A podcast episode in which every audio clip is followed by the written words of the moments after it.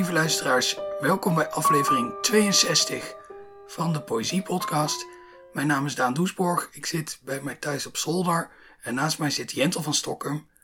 Jentel, welkom. Hallo, dag Daan. Dag luisteraars. Je hebt een gedicht meegenomen van Frank O'Hara. Een hele bundel eigenlijk. Ja. Uh, wil je er iets over kwijt of wil je het gewoon laten horen? Ja, ik wil het wel laten horen, maar ik ben er ook wel zenuwachtig over. Want het is in het Engels.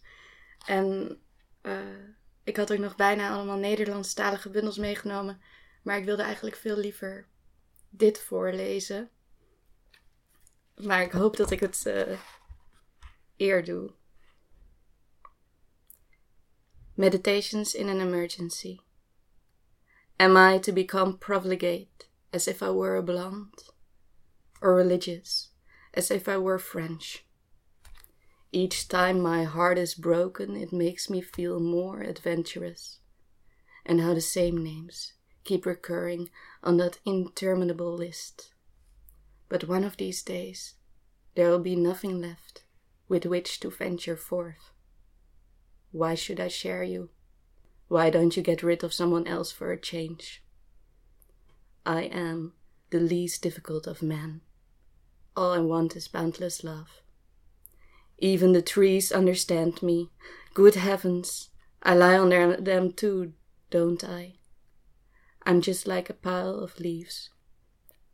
However, I have never clogged myself with the praises of pastoral life, nor with nostalgia for an innocent past of perverted acts in pastures. No. One need never leave the confines of New York to get all the greenery one wishes. I can't even enjoy a blade of grass unless I know there's a subway handy, or a record store, or some other sign that people do not totally regret life. It is more important to affirm the least sincere. The clouds get enough attention as it is and even they continue to pass. Do they know what they're missing? Uh huh. My eyes are vague blue, like the sky, and change all the time. They are indiscriminate, but fleeting, entirely specific and disloyal, so that no one trusts me. I am always looking away or again at something after it has given me up. It makes me restless, and that makes me unhappy, but I cannot keep them still. If only I had grey, green, black, brown, yellow eyes, I would stay at home and do something. It's not that I'm curious. On the contrary, I am bored. But it's my duty to be attentive. I am needed by things as the sky must be above the earth. And lately, so great has their anxiety become, I can spare myself little sleep. Now, there's only one man I love to kiss when he's unshaven. Heterosexuality. You're inexorably approaching. How discourage her? Since Seraphian, I wrap myself in the robes of your whiteness, which is like midnight in Dostoevsky. How am I to become a legend, my dear? I've tried love, but that hides you in the bosom of another, and I am always springing forth from it like the lotus, the ecstasy of always bursting forth, but one must not be distracted by it, or like a hyacinth, to keep the filth of life away. Yes, there, even in the heart, where the filth is pumped in, and slanders and pollutes and determines, I will my will, though I may become famous for a mysterious vacancy in that department, that greenhouse. Destroy yourself if you don't know. It is easy to be beautiful. It is difficult to appear so. I admire you, beloved, for the trap you've set. It's like a final chapter no one reads because the plot is over. Fanny Brown is run away, scampered off with the cornet of horse. I do love that little minx and hope she may be happy, though she has vexed me by this exploit a little too. Poor silly Cecilia, or FB as we used to call her, I wish she had a good whipping and ten thousand pounds. Miss Trill. I've got to get out of here. I choose a piece of shawl and my dirtiest suntans. I'll be back. I'll re-emerge defeated from the valley. You don't want me to go where you go, so I go where you don't want me to. It's only afternoon. There's a lot ahead. There won't be any mail downstairs. Turning, I spit in the lock, and a knob turns. Hij is lang. Ja, inderdaad. Zo lang. Waarom heb je dit gedicht gekozen om hier te lezen vandaag? Ik denk, dat- ja, het is een van mijn lievelingsgedichten, een van mijn absolute lievelingsgedichten. Het raakt me enorm. En ik denk, omdat het zo onbehouden aan het verlangen is. En ik vind het grappig en razend slim. En ook een beetje weird met dat citaat dat zo tegen het einde komt van Miss Trail. Dat is uit de Tre- Trelania. Dat zijn dagboeken. eh, die dan Frank waarschijnlijk ergens had liggen. En dan heeft hij daar gewoon een pagina even uit over geschreven. Ik vind dat een heel, ja, ik vind dat heel mooi. En er spreekt zo ontzettend veel hunkering uit. Zo'n zin van, eh, van why don't you, eh, why should I share you? Why don't you get rid of someone else for a change? Of I am the least difficult of men. All I want is boundless love. Dat is toch, mijn god, als je dat eh, op papier gezet krijgt. Ja. Een soort hele gefrustreerde liefdesbrief is het Het inderdaad. is een hele gefrustreerde liefdesbrief. Ja, maar ook zo ontzettend jezelf ergens aan overleveren. Ja, ik vind het echt heel erg knap en mooi. En ik moet zeggen dat de eerste keer dat ik het las, dat ik dacht, wat, wat, wat is dit? Wat zijn deze overgangen? En dat er dan opeens zo'n uh ergens in een regel staat, dat ik dan heel komisch voelt, dan voelt het bijna alsof het. Alsof je echt in iemands hoofd zit. Alsof je echt bovenop die de gedachten meeloopt. En als het niet zo verdomd lekker liep allemaal, had dat ook gekund. Dan hadden we echt meegelopen met een gedachte. En zo'n zin als: It is easy to be beautiful, it's difficult to appear so. Ja. Nou, nee, ik vind het echt een van de meest ontroerende gedichten die ik ken. En ik hou sowieso wel van dichters die goed zijn in verlangen. Ik had ook bijna Anne Sexton meegenomen. Maar eh Iduna Paalman was me twee jaar voor. Ja, zoiets. Zoiets. Ehm, nee, maar eh, van haar hou ik heel erg van het gedicht eh, For My Lover Returning to His Wife. Wat ook eenzelfde soort ja, overgave in zich draagt. En ja, ik hou daar heel erg van. Ik hou sowieso heel erg van liefdesgedichten. En ik hou ook heel erg van enigszins gefrustreerde liefdesgedichten. Ik denk altijd, oh ja, doe mij maar dat onbehouden verlangen. Doe mij maar eh, die emoties die niet ja, bevallig zijn. Of mooi, schoon, zuiver. Doe me dat maar. En ik vind dat Frank O'Hara daar echt in uitblinkt. Je voelt gewoon dat hij heel slim eh, was. En, en- of een hele levendige geest had. En ik hou daar ook van dat je zo'n soort energie, zo'n soort eigen adem ergens in een gedicht vindt.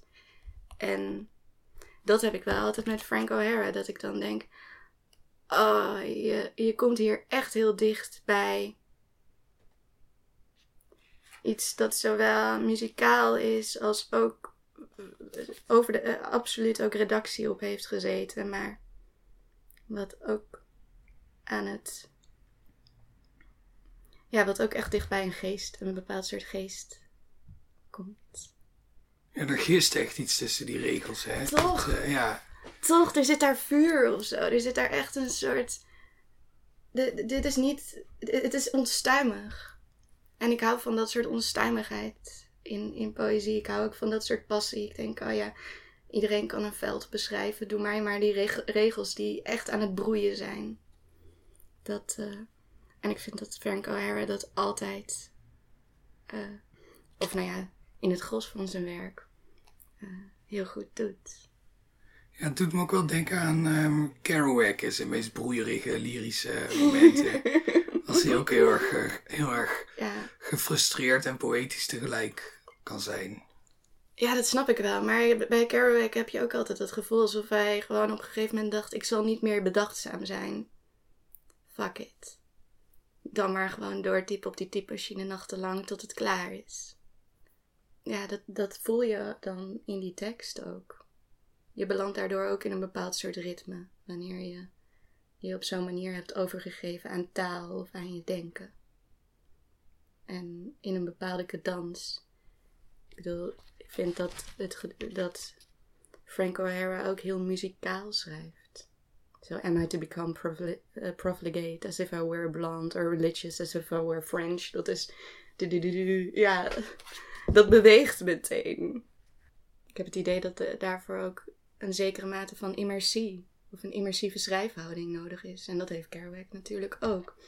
Dat hebben veel van de beat mensen. Ik denk dat ons Ellen Ginsberg dat ook wel in zich draagt. Zo'n onstuimigheid en dat maar stuwende poëzie. Dat eh, bewonder ik altijd heel erg in dichters als je dat merkt. Nou ja, en ik wil niet op de zaken vooruitlopen, maar jouw eh, het soort van in een, in een seance trance-achtige geschreven debuutbundel, die past misschien ook wel in dat, in dat rijtje van, van, tenminste, ik weet natuurlijk niet of het zo ging en dat doet er misschien ook helemaal niet toe, maar het komt in ieder geval over als, als het werk van een schrijver die ook is gaan zitten en zich, en zich heeft laten meevoeren en, en laten wegzinken in een, in een onderwerp. Ja. Ja, ik denk ook wel dat dat iets is wat ik graag zoek in een schrijfproces. Ergens echt in vervallen. Of echt in, in het gedicht plaatsvinden. Ja, dat, dat ik echt in het gedicht beland. Dat is iets wat ik graag zoek. En daarvoor is een schrijfproces wat een beetje immersief is natuurlijk een meerwaarde. Want, Dus- want wat gebeurt er dan? Wat heb je dan wat de bedachtzame schrijver niet heeft? Ja, bij mij is dat heel fysiek. Ik denk dat op het moment dat ik op een regel aan het kauwen ben, ben ik daadwerkelijk op die regel aan het kauwen. En dan zit ik heel stil en dan ehm ploeter ik een beetje voort. En dan heb ik het idee alsof je dat ook voelt in de cadans van het gedicht. Oh, dat gedicht is aan het ploeteren. Hier zit een schrijver hard te werken. Die zinnen komen er gewoon niet lekker uit. En het, eh, daar, daar gebeurt iets stroefs. En op het moment dat ik in een gedicht zit en het gedicht gaat lopen en een beetje vloeiend uit me komt, dan is dat meer zoals muziek maken of zo. Dat je gewoon aan het jammen bent en op een gegeven moment denkt: Oh ja, heb ik dit ritme alles gedaan? Ik weet het niet. Ik ben gewoon lekker bezig. Ik ben gewoon lekker aan het jammen. Ik Doe nu alsof ik heel erg kan drummen, maar dat is eh, een leugen. Dat kan ik helemaal niet. Maar ja, op die manier voelt dat dan wel een beetje. Daardoor heb ik denk ik dat soort ervaringen ook eerder bij een bepaald soort muzikalere poëzie. Of, ja, wanneer klanken en, en, en, en, ritme op, zich op een bepaalde manier tot elkaar verhouden, die ik wel als muzikaal zou omschrijven. Maar niet wanneer het in een vaste versvorm zit. Want dan voel je ook al snel weer ehm, dat die versvorm hetgene is waarin het gedicht gepropt moest worden. En waarin alle ideeën van de schrijver dan maar een plek moesten vinden. Tenminste, ik heb altijd dat idee. Dat ik dat een beetje voel. Maar ook bij een echt heel goed sonnet. Ja, maar echt heel goed sonnet niet, nee. Die, Ik zit bedoel, hier dan, opeens over na te denken. Ik denk, dan is het toch, als je bijvoorbeeld echt een, een goed sonnet van bijvoorbeeld Menno Wigman leest. Ik kom altijd op Menno Wigman terug, maar ja goed, dat it, is, dat is maar gewoon zo. nee, daar heb ik het dan niet. Dan is het echt net alsof, alsof de, de vorm van het sonnet zich om dat gedicht heen geplooid heeft in plaats van andersom, toch? Ja. Ja. Maar ik denk dat daar ook echt wel een vakmanschap voor nodig is waar je u tegen zegt, toch? Dat is toch best wel uitzonderlijk wanneer je dat op die manier voelt. Dat het gedicht, ja, dat die vorm eigenlijk bijna opgaat in de taal of in het construct van het gedicht. Ja, je moet het misschien tien keer proberen voordat je een sonnet hebt dat überhaupt een beetje in elkaar klikt. En daar moet je er dan honderd van maken. En dan heb je er eentje waarbij het echt helemaal zo Ja. Alles eromheen verdwijnt. En dan, Ja, maar daarin denk ik wel dat poëzie maken heel dicht bij muziek maken ligt. Dat eh, je hebt ook vaste muziekstructuren zo, eh, uit de klassieke muziek die je steeds opnieuw in andere vormen kunt inzetten. En dan heb je ook muziek die atonaal is. Of, eh, of jazz. Ja, Frank O'Hara kwam natuurlijk ook uit New York, uit de tijd van de jazz. En, eh, en, en, en de experimentelere muziek. En hij was een hele belangrijke man in de New Yorkse kunstscene. Hij was een van de leiders zelfs van de eh, New Yorkse richting van poëzie. Dus dat. eh, ja, je voelt, ik denk altijd dat je wel voelt in welke muziekperiode mensen zitten als ze poëzie aan het schrijven zijn. Eerlijk gezegd. Of waar ze veel naar luisteren op dat moment. ja, je kan nu natuurlijk ook van die hele jaren 50 jazz poëzie schrijven als je wil. Ja, zeker wel. Uiteraard. Maar zou je dat doen, denk je, als je niet net een soort van jaren 50 jazz hebt gebinge luisterd? Ja, ik denk het wel. Maar ja, dan is het misschien, want dat is natuurlijk al gedaan, dus dan is het eigenlijk interessanter om nu Ja. een soort drillrap poëzie te schrijven. En die daar helemaal in onder te dompelen. Kijken wat dat voor poëzie oplevert. Toch? Ja, Ja, dat denk ik ook. Dat ik 50 jazz heeft zijn kans wel gehad. Ja. Ja, maar wie zegt dat eh, artiesten als Lord bijvoorbeeld niet heel veel invloed hebben nu op alle eh, schrijvers die nu jong zijn en eh, muziek luisteren en naar tekst luisteren en denken: Goh, wauw, dit is een mooie zin. En, dan, en dan ontdekken dat Lord een hele grote Carver-fan is. En dan, weet je, dan ben je er eigenlijk al, dan sta je alweer in een traditie. Ik heb vandaag de hele dag een eh, regel van Lizzo in mijn hoofd. Gewoon alleen maar de eerste regel van een nummer. Eh, maar die is van... They don't know I do it for the culture, goddamn. Ik vind dat zo lekker. Hele goede opening van een liedje. Ja, zeker. Ik had, hoorde gisteren ook een nummer en dat was iets van I, I, I thought the future would be more interesting of zoiets. Dat dacht ik ook nou Van ja. wie? Ja, dat weet ik niet meer. Het zat in een tv-serie. Oh, wel echt een goede regel. Ja, ik dacht dat eigenlijk ook wel een beetje. Past ook uitstekend bij ons tijdsgewricht. Of tenminste, ik vind het geen oninteressant tijdsgewricht waar we nu in zitten. Nee, eigenlijk bijna te interessant. Ja, ik had gewoon gewild dat het allemaal wat minder apocalyptisch episch eh, aandeed. En dat het wat meer de jaren negentig is. Ja, het voelt heel erg laatste seizoen in plaats van dat, dat best wel oké seizoen wat ergens in het midden zit. Ja. Maar ik ben ook heel erg benieuwd de hele tijd als ik dan kijk naar zo'n IPCC-rapport en zo, en naar de klimaatrapporten. Ehm, wat dat. Ja, dat is natuurlijk het minste probleem eh, om te hebben. Maar ik ben wel heel benieuwd meteen van, oh ja, maar wat voor relevantie heeft poëzie dadelijk als de wereld eh, twee graden warmer is, bijvoorbeeld. En we eh, grote bosbranden hebben en overstromingen en onze beschaving misschien in elkaar kukelt. Ik denk niet dat mensen stoppen met schrijven. Ik denk dat poëzie nog steeds dan relevant gaat zijn. Maar ik denk wel dat het om een ander soort poëtica gaat vragen.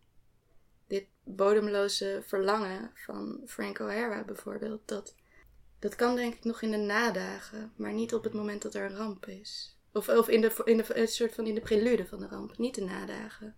De, dat net er vlak ervoor. Dus zo het begin van de film en daarna gaat alles mis. Zodat, daar zou ik dat dan plaatsen.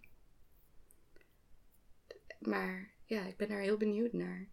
Nou, ik vrees dat we het allemaal mee gaan maken. Wat voor, wat voor poëzie er gaat ontstaan in het, eh, wat, op het donkerste punt van de ramp die zich voltrekt. Ja, denk je dat wij het donkerste punt meemaken? Of denk je dat dat meer iets is voor onze kleinkinderen? Uh, die misschien nog wel meer, maar ik denk, uh, nou ja, als je een beetje oud wordt, ja, ik ben het dat je nog wel serieus in de problemen komt. Ah, shit. Ja, Jammer dit. Een net iets te interessante tijd wordt het. ja dat eh, vrees ik ook. Ehm, iets heel anders. Ja. Het was voor jou natuurlijk kinderspel om een gedicht van iemand anders uit te kiezen. Heel veel mensen die in deze podcast komen hebben daar heel veel moeite mee. Maar jij, voor jou is dat natuurlijk dagelijkse kost als eh, redactielid van Poëzie is een Daad. Ja. Kan je uitleggen aan de luisteraars die nu denken, waar heeft hij het over, wat dat is? Ja, Poëzie is inderdaad is een eh, Instagram pagina die ik beheer samen met Joost Oben en Stephanie Librex. We hadden denk ik een soort van synchroon dat idee om zoiets op te richten. We volgden alle drie eh, Poetry is a Luxury. Of nee, Poetry is not a Luxury. Sorry. Op Instagram en we waren heel enthousiast over dat er zoveel poëzie daar gedeeld werd. Ook van dichters die we niet kenden. Het is elke dag een gedicht. Elke toch? dag een gedicht. Ja. Dus dat doen we nu ook voor het dagelijks shotje poëzie. Staat er in de omschrijving en dan eh, ja, iedere dag één gedicht. En dat gedicht dat moet uit een van onze boekenkasten komen. Dus eh, we zijn ook heel veel bundels aan het bijkopen, geloof ik. Alle drie de hele tijd. eh, een beetje in paniek van, oh, hopelijk dubbelen we niet te vaak deze ene dichter. Ja, ik weet niet of dat het nou makkelijker maakt om een gedicht uit te kiezen. Met poëzie is inderdaad is het zo dagelijks dat als ik op maandag een gedicht uitkies, waar ik eigenlijk een beetje van denk, ja, pas wel bij deze dag. Best een leuk gedicht. Dan, dan is het niet erg als ik de volgende dag heel erg behoefte heb aan een andere dichter. Terwijl eh, hier, dit doe ik waarschijnlijk maar één keer. Misschien over tien jaar of zo nog een keertje. Maar eh, ja, dan wil je toch wel echt iets kiezen waar je enorm veel waarde aan hecht. Ja, je kan hier natuurlijk niet zeggen, oh ja, die eigenlijk ook nog, nou dat doe ik dan volgende week wel. Precies, en dat kan met poëzie is inderdaad wel. Maar het is heel leuk om dat eh, te beheren. We hebben lekker eh, steeds meer volgers. Ja, 5500 nu al, toch? Of eh, zoiets. Zoveel. Ja, Oh. nou meer dan 5000 in ieder geval. Ja, ja, ja. Dat klopt. Dat klopt. Ja, het wordt steeds groter. Dus dat is heel leuk eraan. En eh, ik denk dat wat er ook feestelijk aan is, is dat wij alle drie enorm veel van poëzie houden. En het liefst iedere dag wel iemand een gedicht onder de neus willen duwen van lees dit, super mooi. En dat kunnen we dan nu daadwerkelijk doen. En dat vinden mensen leuk en gezellig. En dan delen ze het ook. En dan zijn ze hopelijk geraakt. Ja, we doen het wel voor de geraaktheid, goddamn. Zou je voor de dagelijkse shotje poëzie van de luisteraars het gedicht van Frank O'Hara nog één keer voor willen lezen? Ja. Meditations in an emergency. Am I to become profligate as if I were a blonde, or religious as if I were French? Each time my heart is broken, it makes me feel more adventurous. And how the same names keep recurring on that interminable list. But one of these days, there'll be nothing left with which to venture forth. Why should I share you? Why don't you get rid of someone else for a change? I am the least difficult of men. All I want is boundless love.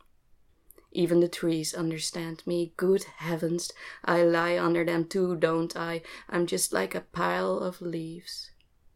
However, I have never clogged myself with the praises of pastoral life, nor with the nostalgia for an innocent past of perverted eggs in pastures.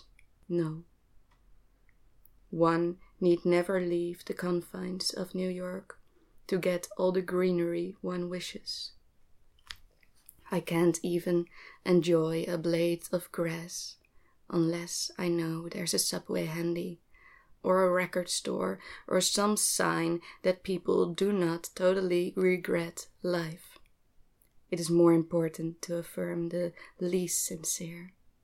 The clouds get enough attention as it is, and even they continue to pass. Do they know what they're missing? Uh huh. My eyes are vague blue, like the sky, and change all the time. They are indiscriminate but fleeting, entirely specific and disloyal, so that no one trusts me. I'm always looking away, or again, at something after it has given me up. It makes me restless, and that makes me unhappy, but I cannot keep them still. If only I had grey, green, black, brown, yellow eyes. I would stay at home and do something. It's not that I'm curious. On the contrary, I am bored, but it's my duty to be attentive. I'm needed by things as the sky must be above the earth. And lately, so great has their anxiety become, I can spare myself little sleep. Now there's only one man I love to kiss when he's unshaven. Heterosexuality. You are inexorably approaching. How discourage her? Saint Seraphian, I wrap myself in the robes of your whiteness, which is like midnight in Dostoevsky. How am I to become a legend, my dear? I've tried love, but that hides you in the bosom of another, and I am always springing forth from it like the lotus, the ecstasy of always bursting forth. But one must not be distracted by it, or like a hyacinth, to keep the filth of life away. Yes, there, even in the heart where the filth is pumped in and slanders and pollutes and determines. I will my will, though I may become famous for a mysterious vacancy in that department, that greenhouse. Destroy yourself if you don't know. It is easy to be beautiful. It's difficult to appear so. I admire you, beloved, for the trap you've set. It's like a final chapter no one reads because the plot is over.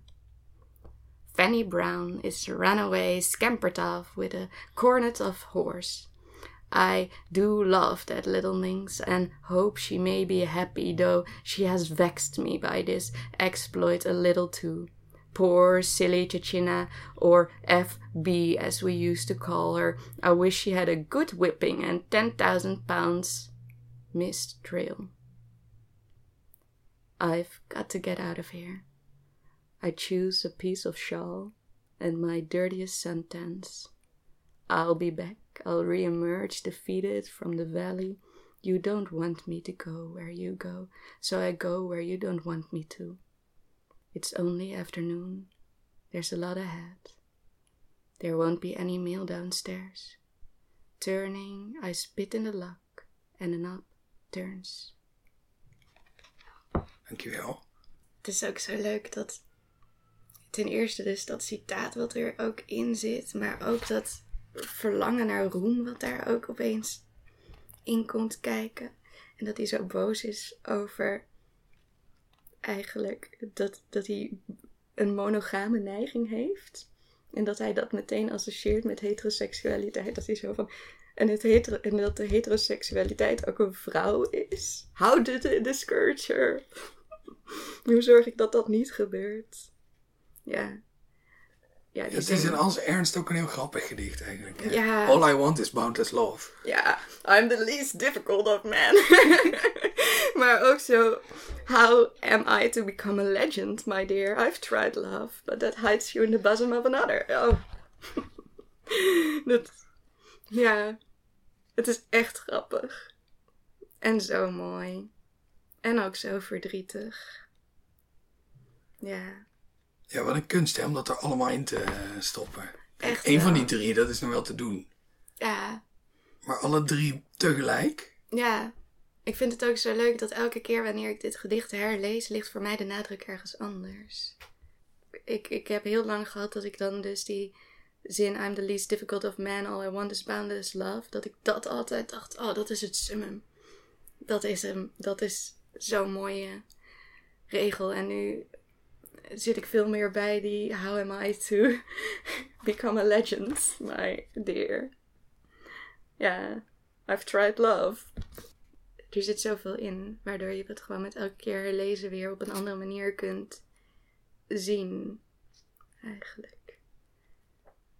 En ik blijf gewoon uh, heel erg lachen om die Fanny Brown. Dat dat er opeens zo ingefietst wordt. Echt een citaat, echt een intertextueel ding. Ik stel me ook gewoon voor dat hij. Frank O'Hara werkte dan bij het museum.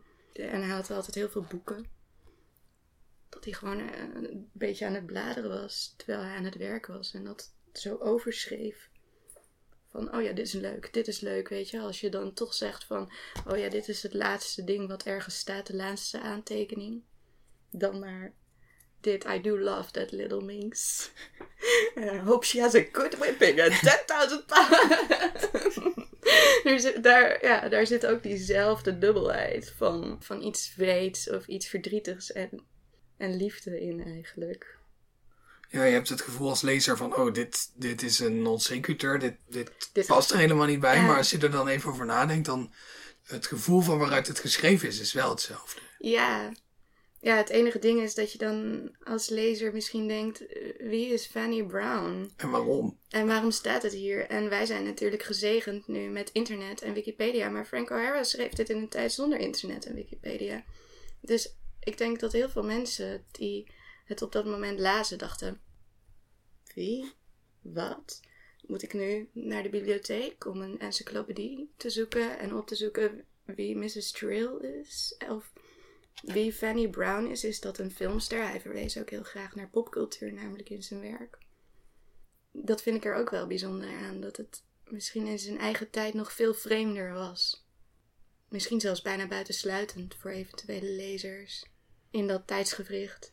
En dat het nu heel modern voelt. Want wanneer is het geschreven? Ik vergeet altijd wanneer Frank leefde. Uh, 1957. Dat is. Dat is even geleden. Het beste poos terug.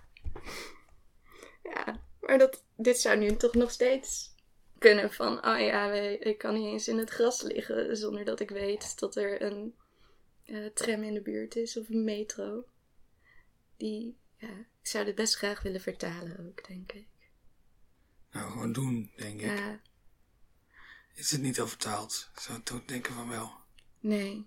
Oh, nou, dat ligt een mooie taak. Ja. Gouden handel. Poëzie vertalen. ja, dat weet jij dan weer. Ik ben altijd bang dat ik uh, misschien niet bedachtzaam genoeg ervoor zal zijn. Dat ik dan meteen denk, oh, dit woord dat moet dat zijn. En dat ik dan niet bedachtzaam genoeg zal zijn om dat woord duizend keer te heroverwegen of het het juiste woord is. Voor dit specifieke gedicht. Of dat ik, ja, ik denk dat ik het liefst samen met mensen zou vertalen. Maar. Nu heb je eigenlijk ook wel een betere vorm dan vertalen gevonden. En dit is een heel mooi bruggetje naar jouw debuutbundel. Uh, toe-eigening. Ja, precies. Gewoon keihard doorgaan met het creëren van nieuw werk. Uh, ja. Want ja, misschien kan je even ja. iets vertellen over je bundel en uh, wat die in godsnaam met vertalen te maken heeft. ja, ik heb een bundel geschreven over Emily Bronte. Uh, of nou ja, over je verhouden tot Emily Bronte. En Emily Bronte was een schrijfster uit de 19e eeuw, ook wel bekend van uh, de monsterhit Wuthering Heights. En ik heb dat boek gelezen ergens rond mijn zeventiende, denk ik, voor het eerst. En toen dacht ik, dit is raar. Ik werd heel erg aangetrokken tot, tot hoe vreemd en ongezellig het is. Niemand in dat boek is sympathiek. Niemand. en het is, heeft zo'n hele vreemde constructie, want het is een je hebt een verteller en die krijgt dan een familieverhaal verteld. Dus het is een raamvertelling in een raamvertelling. En het is, ja, ik, dat heeft me heel erg geïntrigeerd. En uh, ik heb daar nog heel vaak aan teruggedacht. En op een gegeven moment zat ik in het Slow Writing Lab van het Letterenfonds. En toen mocht ik een literair onderzoek doen. En toen wilde ik eigenlijk daar iets mee. En toen ben ik begonnen met naar Engeland te gaan. Uh, naar het geboortehuis ook van de Brontes. Er zijn natuurlijk drie zussen. Maar ik heb me gericht op Emily. Die vind ik gewoon het leukst. En vervolgens ben ik daar allemaal gedichten over gaan uh, schrijven. En het is, ja, het is echt uit de hand gelopen qua dat het, dat het steeds groter werd als een soort project of een uh, literair onderzoek. Want op een gegeven moment kwamen daar ook spookgeesten uh, in, of de geest van Emily. Dus nu zit het een beetje tussen poëzie en spookverhaal in.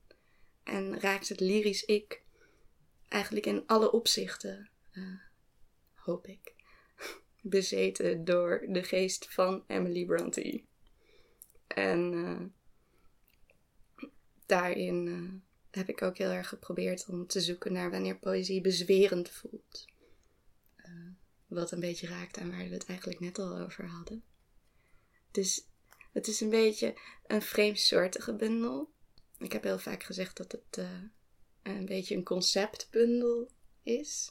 Zoals je ook een concept, conceptalbum kunt hebben.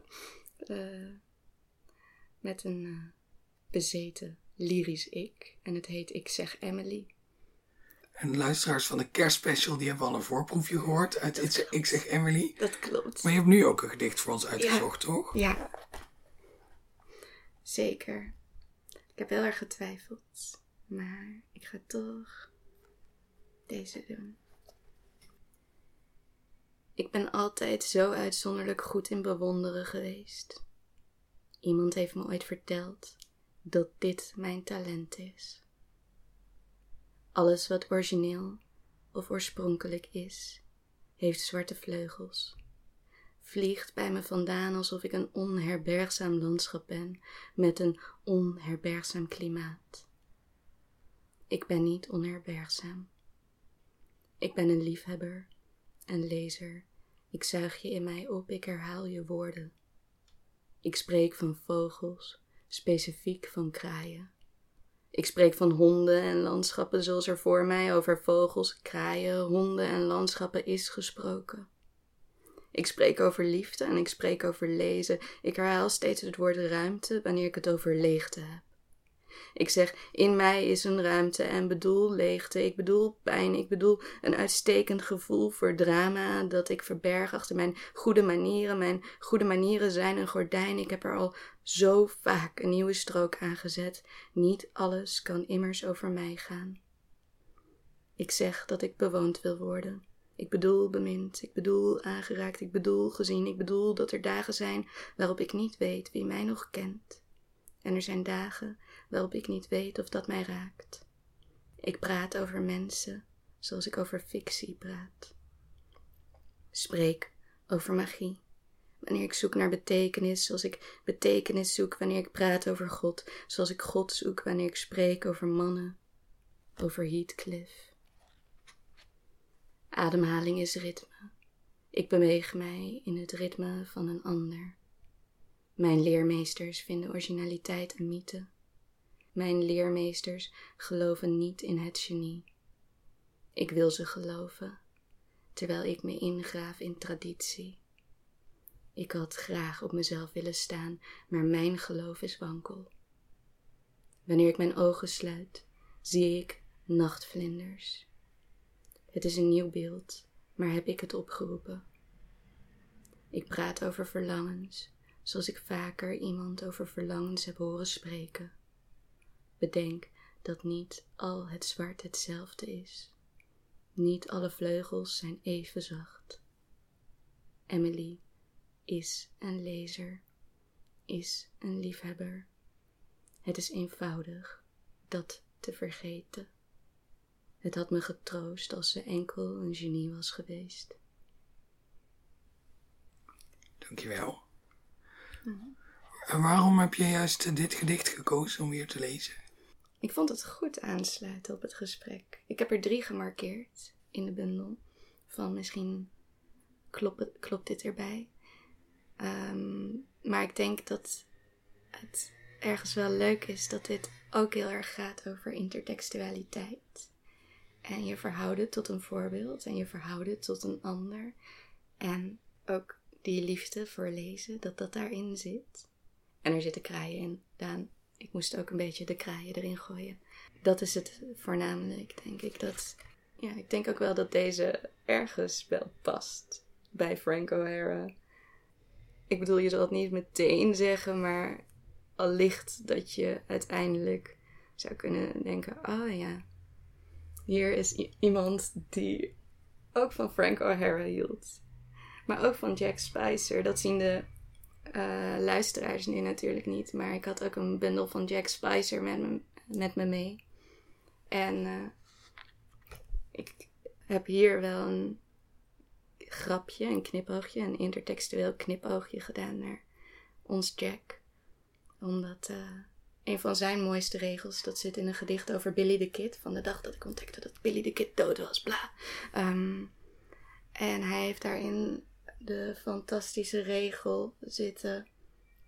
Ik wil je vertellen over pijn. Het was een lange pijn, zo breed als een gordijn ongeveer. En ik vind dat kippenvel mooi. De eerste keer dat ik die regel las, toen dacht ik echt, dit, het was een lange pijn. Zo breed als een gordijn ongeveer, dat ik dacht, oh ja, hoe meet je pijn, weet je? Is dat inderdaad een breedte? Uh, dus en hoe breed is een gordijn eigenlijk ook? Het ligt ook aan je raam. Ja, dat. dat. Het is een lange pijn, maar dat ik dacht, oh ja, maar een gordijn, dat rek je ook uit.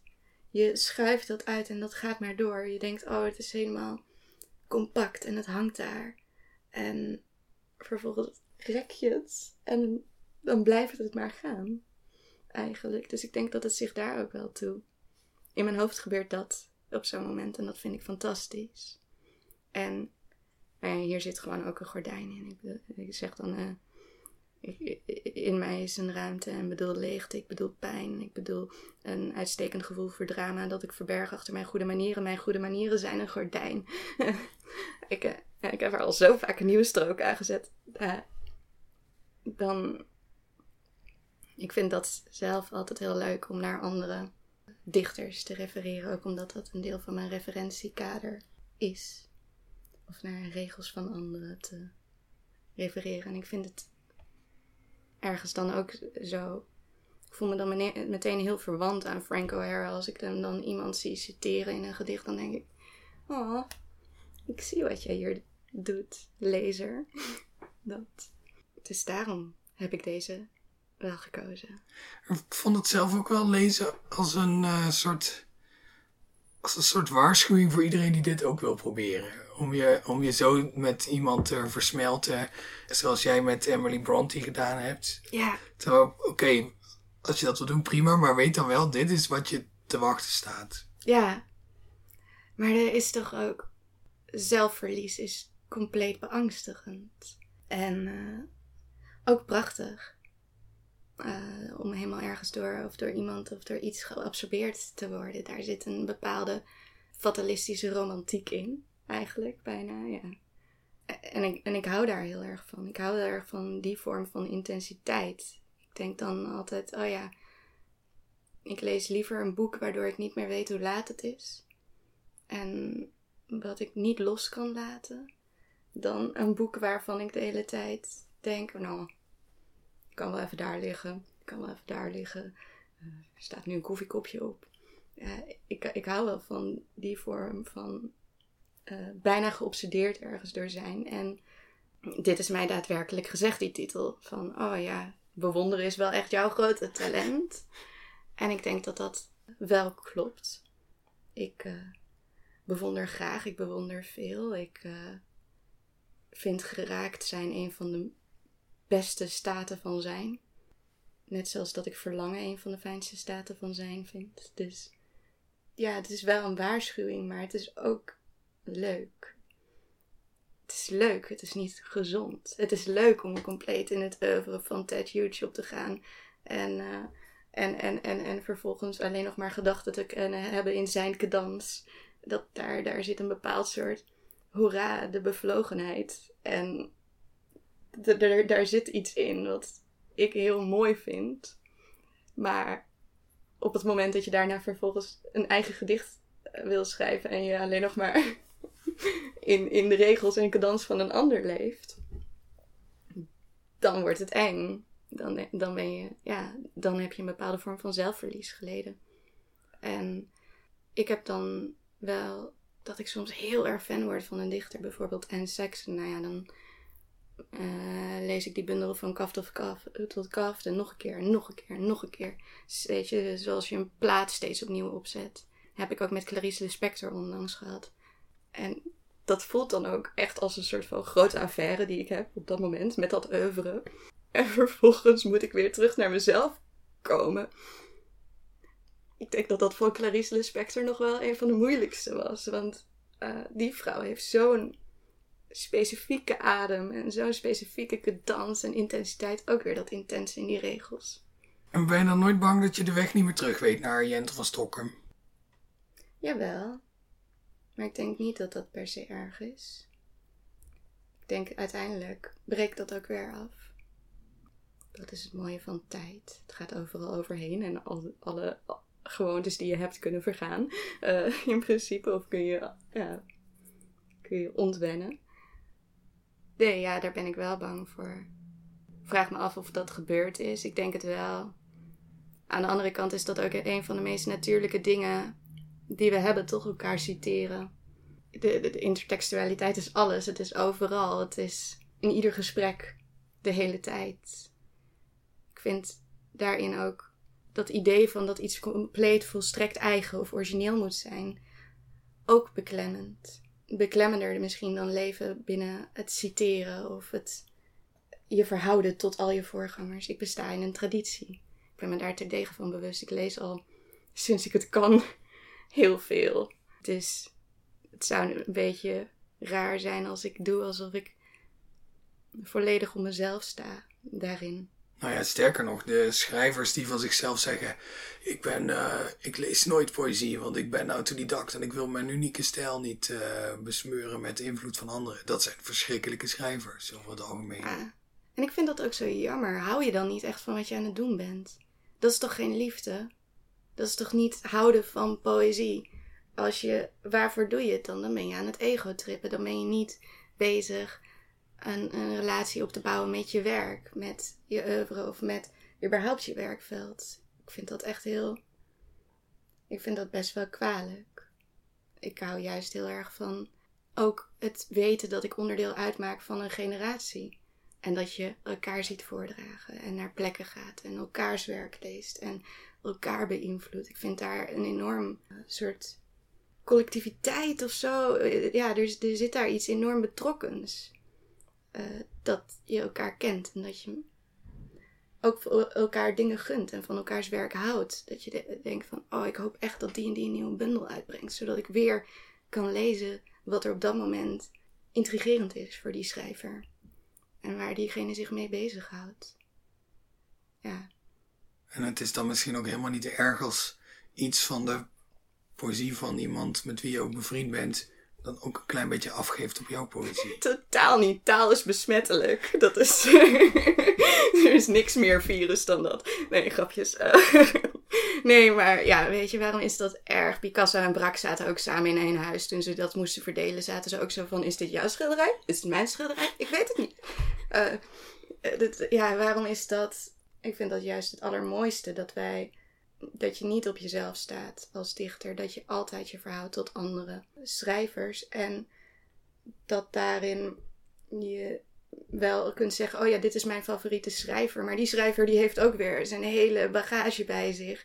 Weet je, ik hou van het werk van Radna Fabias. Waar houdt Radna Fabias van? Frank O'Hara. Weet je, dat is toch, dat is toch te gek. Dat soort momenten. Of dat dan, dat Iduna ook van Anne Sexton houdt. Dat vind ik echt fantastisch. Dan denk ik ja, en daarom sprak jouw werk mij ook aan. Want ik ben ook Sexton-fan en ik voel diezelfde soort van dat geestige, maar ook dat beklemmende wat soms in die gedichten zit. Dat, weet je, daar gebeurt iets. Ik vind dat ja, het meest interessante van me in dit werkveld bevinden. En ik vind het ook leuk wanneer het terloops gebeurt. Wanneer je terloops iemand hebt geciteerd. Ik had ergens in de bundel staat een regel waar ik pas na de druk van bedacht. Oh, die komt daaruit. Of die refereert daaraan. Omdat ik ooit dat gedicht had gelezen. En, uh, en dat is ergens in mij blijven haken. Gewoon die zin.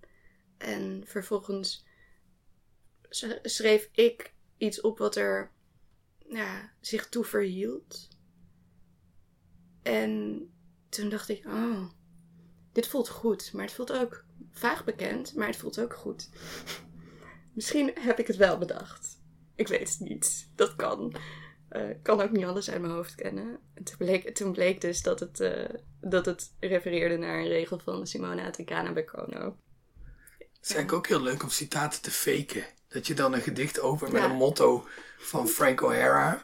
Maar het is gewoon Jentel van Stokken. Ja, maar dat... Ja. En dat iedereen denkt, oh wat een prachtige regel van Frank O'Hara. Is dat daar ook uit? Welk gedicht is dat ook alweer? en dan is het gewoon iets totaal nieuws. Ik weet niet of ik me Frank kan toe-eigenen zoals ik me Emily heb toegeëigend. Ik denk dat bij Emily dat het ook hielp dat ik me uiteindelijk ervoor heb gekozen om me niet tot haar poëzie te verhouden, maar tot haar roman. Weet je wel, anders zit je in al die stanza's en eindgeheim. En uh, dat ik wel een paar keer een zin van haar aanhaal. Maar ja, dat is, was niet de boventoon. Ik vond het veel spannender om het tot juist dat proza te verhouden, omdat ik daar de ruimte voelde.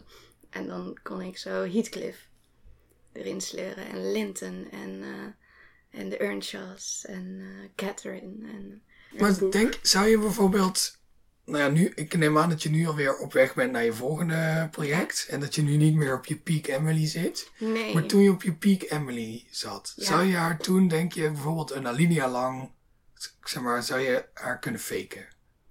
Nee. Denk je niet? Nee, denk ik niet. Nee. Weet ik niet. Oh ja, dat heb ik nooit geprobeerd. Dat is eigenlijk wel leuk, hè? Ja. Ik zit nu ook te denken of ik bijvoorbeeld Ted Hughes zou kunnen faken. Ja. En ik denk misschien van wel. Maar het is ook wel misschien ook heel arrogant om over jezelf te zeggen. Want je hebt het dan natuurlijk in beide gevallen wel over echt gewoon een, een literaire superster. Dat je zegt, oh ja, neem maar zo'n Beyoncé nummer, dat kan ik ook wel maken. Omdat ik gewoon heel veel naar Beyoncé geluisterd heb. Terwijl, zo ja. werkt het natuurlijk eigenlijk ook weer niet. Ik zag laatst wel een TikTok van uh, iemand die uh, dan een soort grapje de hele tijd aan het maken was van... Oh ja, fans van die en die, die zijn echt raar. Want zij kan een nummer schrijven dat letterlijk gaat van... En dan ging ze gewoon iets maken wat een beetje in de stijl van die persoon was. En dan eindigde ze steeds het filmpje met... And they would eat that shit up. en, en, en wat er zo goed aan was, was dat ik echt daadwerkelijk dacht... Oh, dat is best wel goed. Dat is best wel... Ja, dit lijkt inderdaad op Phoebe Bridges. Dit lijkt inderdaad op Taylor Swift. oh ja, Hozier would, would do that. dat. Ja. Maar ik denk dat het daarin wel... Het is natuurlijk best wel makkelijk om iemand na te doen. Misschien toch wel. Ja, maar om iemand maar, echt goed na te doen? Ja, om iemand na te doen en daar oorspronkelijk in te zijn. Of recht aan te doen. Of, of recht te doen aan je eigen gedachten en belevingswereld daarin. En jouw referentiekader en alles wat jij mee hebt genomen. Nee, dat moet je er dan uithalen. Ja, als je dat kan echt een goede fake wil maken. Nee. Ja. Ja, Emily, dan zou ik ja, ergens een, een, blauwe bloem in moeten fietsen. Maar ja, Bluebell. In het Nederlands heet dat... Hoe heet een Bluebell in het Nederlands? Niet leuk in elk geval. Dat is geen mooie naam. Ik heb dat opgezocht en dat ik dacht, ik vind geen leuk woord. Gaat niet in een gedicht. Ja, maar dat is ook, dat is vaak bij vogelnamen ook, hè? Ja. Ja, de Mockingjay. Een linnet bijvoorbeeld. ja. Linnets, die worden rijkelijk door Engelse gedichten gestrooid. Het is een kneu in het Nederlands. Ja, daar kan je gewoon helemaal niks mee. En ik zag de kneu opvliegen. Ja, dat gaat toch niet? Nee, ja. Ja, dan kom je opeens achter die beperking in de taal. Of zo, baby's breath, hoe heet dat? Ja, de, allemaal dat soort bloemennamen. Ja, dat kun je hier niet meenemen. Ik denk dat ik Ted Hughes eerder kan faken dan Emily. Ja. Waarom? Weet ik niet precies. Omdat hij meer een karikatuur is al. Nee. Nee, geen sinds. Ik denk omdat hij iets vrijer schrijft. Ik denk ook eh, dat zijn referentiekader wat dichter bij het mijne is. Als je dan zo. het- ja, dat ligt wat dichter bij elkaar. Want als je dan eh, de birthday letters of de verjaardagsbrieven leest, dan denk ik van: oh ja, weet je, er zit een Ouija-bord in. Ik heb ook een nieuw Ouija-bord in mijn bundel. Gezellig. Nou, weet je, Ted en ik, eh, dat kan wel. Of dat eh ons Ted Hughes dan ook een gedicht heeft waarin hij dan samen met eh, Sylvia Plath naar het geboortehuis van de Brontes gaat en naar de Moorstaar. Dan kan ik dan denk ik, ja, dit is ook wel. Maar hij hanteert ook een bepaald soort ritme. Heel vaak in die gedichten waar ik me ook wel nauwer toe verwant voel dan, dan het ritme van de vormvaste poëzie die Emily hanteert. Ik ben ook een heel groot fan van Emily Dickinson. Ik denk dat ik het gewoon niet leuk zou vinden. Ik denk dat ik er gewoon op een gegeven moment denk van... Oké, dan maar dit woord.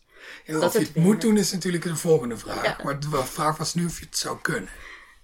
Ja, denk het wel. Wel, hè? Ja, Maar moet je het doen? Nee, Nee. misschien niet. Ja, ik heb er gewoon niet zo zin in. Dat is het. En ik ben heel slecht in dingen doen waar ik niet echt zin in heb. Nou, weet je wat? Dan doe het gewoon niet. Ja, Heb je wel zin om je gedicht nog een keer eh, te laten horen? ja hoor, daar Kijk, ik ben mazzel. Ik ben altijd zo uitzonderlijk goed in bewonderen geweest. Iemand heeft me ooit verteld dat dit mijn talent is. Alles wat origineel of oorspronkelijk is, heeft zwarte vleugels. Vliegt bij me vandaan alsof ik een onherbergzaam landschap ben met een onherbergzaam klimaat. Ik ben niet onherbergzaam. Ik ben een liefhebber, een lezer. Ik zuig je in mij op, ik herhaal je woorden. Ik spreek van vogels, specifiek van kraaien. Ik spreek van honden en landschappen zoals er voor mij over vogels, kraaien, honden en landschappen is gesproken. Ik spreek over liefde en ik spreek over lezen. Ik herhaal steeds het woord ruimte wanneer ik het over leegte heb. Ik zeg in mij is een ruimte en bedoel leegte. Ik bedoel pijn. Ik bedoel een uitstekend gevoel voor drama dat ik verberg achter mijn goede manieren. Mijn goede manieren zijn een gordijn. Ik heb er al zo vaak een nieuwe strook aan gezet. Niet alles kan immers over mij gaan. Ik zeg dat ik bewoond wil worden. Ik bedoel bemind. Ik bedoel aangeraakt. Ik bedoel gezien. Ik bedoel dat er dagen zijn waarop ik niet weet wie mij nog kent. En er zijn dagen waarop ik niet weet of dat mij raakt. Ik praat over mensen zoals ik over fictie praat. Spreek over magie wanneer ik zoek naar betekenis, zoals ik betekenis zoek wanneer ik praat over God, zoals ik God zoek wanneer ik spreek over mannen, over Heathcliff. Ademhaling is ritme. Ik beweeg mij in het ritme van een ander. Mijn leermeesters vinden originaliteit een mythe. Mijn leermeesters geloven niet in het genie. Ik wil ze geloven terwijl ik me ingraaf in traditie. Ik had graag op mezelf willen staan, maar mijn geloof is wankel. Wanneer ik mijn ogen sluit, zie ik nachtvlinders. Het is een nieuw beeld, maar heb ik het opgeroepen? Ik praat over verlangens, zoals ik vaker iemand over verlangens heb horen spreken. Bedenk dat niet al het zwart hetzelfde is. Niet alle vleugels zijn even zacht. Emily is een lezer, is een liefhebber. Het is eenvoudig dat te vergeten. Het had me getroost als ze enkel een genie was geweest. Dankjewel, Graag gedaan. Jentel van Stokken. Dankjewel, Daan Loesburg. Dit was aflevering 62 van de Poëzie-podcast. Die wordt gemaakt door mij, u hoort het al, Daan Doesborg. In samenwerking met de Stichting Literaire Activiteiten Amsterdam. De muziek bij deze podcast wordt gemaakt door Bart de Vrees. Heel graag tot de volgende keer.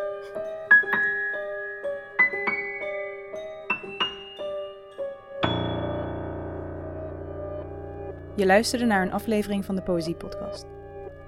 Daan Doesborg is schrijver en presentator. In 2010 werd hij Nederlands kampioen Poetry Slam.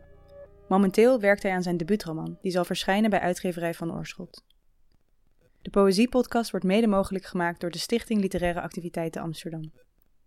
Bij ons draait alles om literatuur. We maken programma's voor de hele stad, online en offline. Al onze podcasts zijn ook te beluisteren via onze website www.sla.nl/slaakast.